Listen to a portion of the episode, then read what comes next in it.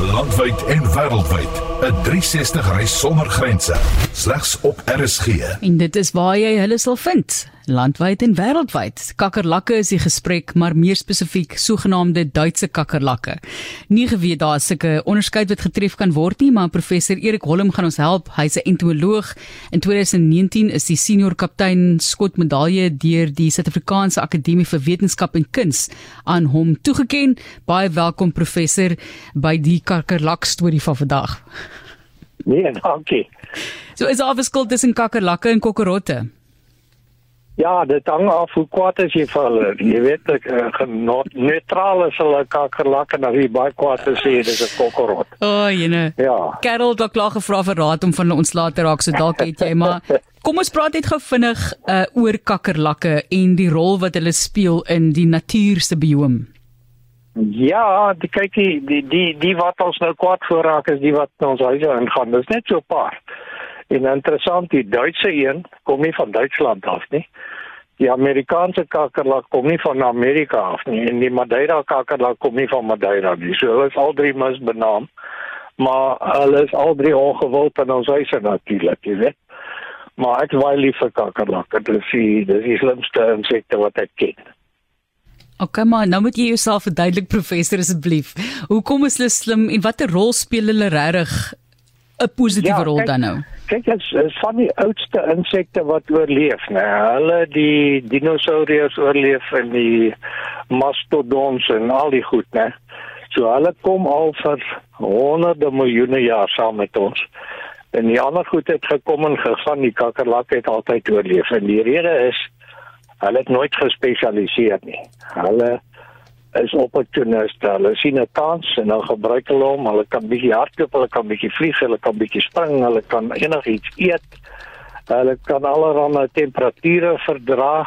Jy weet jy kan, hulle het saamgegaan tot in Sanai op die basis daar en jy kry hulle natuurlik in die trope en hulle het met mense geleer saamleef. Dis nou al 'n kuns. Mense self kry dit selde reg, maar die kakkerlakke leef met mense saam. En uh, so hierdie huiskakkerlakke is maar net so half te sien van die goed. Maar alles kosmopolities, hulle kom nie hele wêreld voor. Maar bly spesifiek saam mense. Hulle hulle gaan nie meer terug veld toe nie. Hulle het hulle self as ware huisdiere verklaar, né? Hulle bly saam met ons. Ja en hulle oorleef omdat hulle eintlik alles kan regkry. Hulle kan in jou lou oond bly, hulle kan in jou yskas bly. Hulle vrek nie sommer nie, né? En hulle eet enige iets van jou ou sokkies tot jou seep tot afvalkos tot you name it. He? En uh, ons noem hulle nou generaliste. Dit is die ouens wat uh, alles doeners is. As hulle mense was, was hulle renaissance mense, né? Ja dit was die ouens wat alles so wonderlik gedoen het soos Leonardo en die ouens. So ek het groot bewondering vir 'n kakkerlak. Maar nou moet jy vir ons help asseblief. Hoekom praat die pestbeheer mense van pandemiese vlakke in Suid-Afrika naby aan pandemiese vlakke in Suid-Afrika? Uh ja, vir ja, hierdie ja, Duitse weergawe en wat jy sê verkeerdelik ook Duits genoem ja, word. Ja. Ja, dan kan jy sommer sien wat se ons ons praat laat jy in Suid-Afrika kan jy nie 'n pandemie hê nie. Jy moet dan wêreldwyd wees wees, nee, want 'n pandemie beteken die hele wêreld is nou voluit se kakkerlakke. Ja. Maar dis maar net 'n uitbraak hier en dis nie so ongewoon nie. Mense vergeet net baie gou. As dit nou ruk droog was soos wat ons gehad het en jy kry nou 'n goeie reënjaar of twee dan sien skielik kan spinkans swerms en allerlei goed word skielik bevoordeel hè? Want insekte is vreeslik lief vir klamlug. Want jy kan net dink hulle is so klein. As jy 'n druppel water so groot soos 'n insek neersit kyk maar hoe vinnig verdamp hy hè hy is weg binne ure. So insekte het 'n groot droogte uitdrogingsprobleem. Dit gaan nie net oor reën nie dit gaan oor lugvog hè En dan gaan dit nou goed met hulle. Jy weet, dan uh, deel hulle nou aan en dan uh, sameloop van omstandighede dan hulle hulle peste nou weer het miskien nou uh, duik gevat en hulle epidemies en so aan. Hulle is nou post uh, jy weet allerlei epidemies wat hulle miskien gehad het. En dan gaan hulle 'n verskriklike ontploffing van bevolking in. Maar dan gaan dit ook weer verby, né? Ek meen 'n paar maande later sien jy nie meer van die goed nie.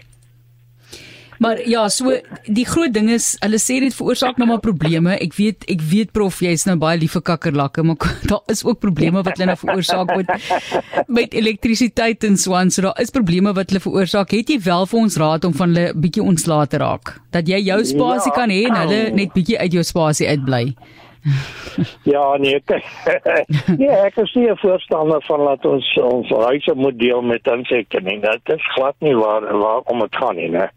Die goed wat op ons parasiteer het ons die volste reg om dit beveg, né? en ehm um, jy jy is nie 'n dieretuin nie. Jy bly mos in die dis ons jou huis. Ja. Maar ek ek is meer bekommerd oor die goed wat ons buite laat doodgaan wat uh, glad nie skadelik is of niks aan ons doen nie, né? Dit is dis is goed wat my klag. Goed. Nee, in jou huis uh, daar's so 'n maklike raad man. Hulle het mos nou hierdie kakerlak hotelle. so 'n klein boksie. Ja. Waar hulle baie graag inkruip want hulle mos altyd skuil, né? Ondergoed en agtergoed want hulle is nagdiere, hulle wil nie nag uitkom en dan skuil daar en dan is daar die lieflikste kos vir hulle plus gif, né? Dan vrek hulle net in daai boksie. Ja. Dan hoef jy nie gif vir jou hele huis te gooi en dit self te eet nie. Dis net die kakkerlakke wat dit bykom. So dis 'n fantastiese patent daai, né? Hierdie uh, kakkerlak hokkies wat hulle nou inkruip en dan vergiftig hulle net daar. En dan gooi jy die hele spul met die hokkie en al weg. Dis baie mense wat praat van borax prof. Wat dink jy daarvan? Eh, wat sê ons? Borax. Ja ja, dit werk ook, maar dit is ook nie baie goed vir jou nie hoor. Uh borax poeier het die effek dat dit in die ledemate in die in die litte van die kakkerlak inkom, dan sny dit hom daar stukkend en dan droog hy uit. So uh, hulle kan dit nie verdra nie. Maar baba poeier doen dieselfde.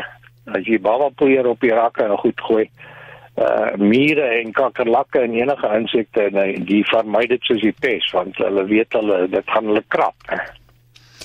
Dit is soos klitse vir ons omtrent, net, ja. net erger.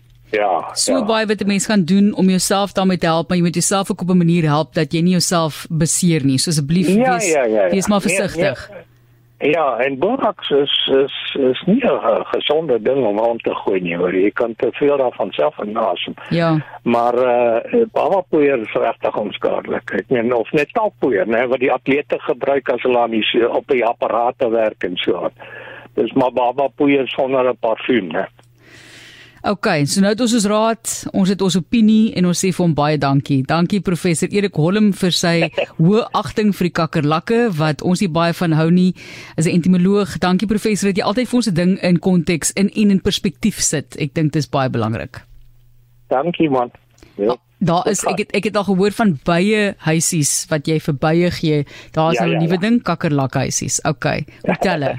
As sy. Dankie professor. Omgekeerde effek. Ja, doen. Maak die liewe vir hulle lekker en ongelukkig dan ook dood. Dit is verskriklik, julle.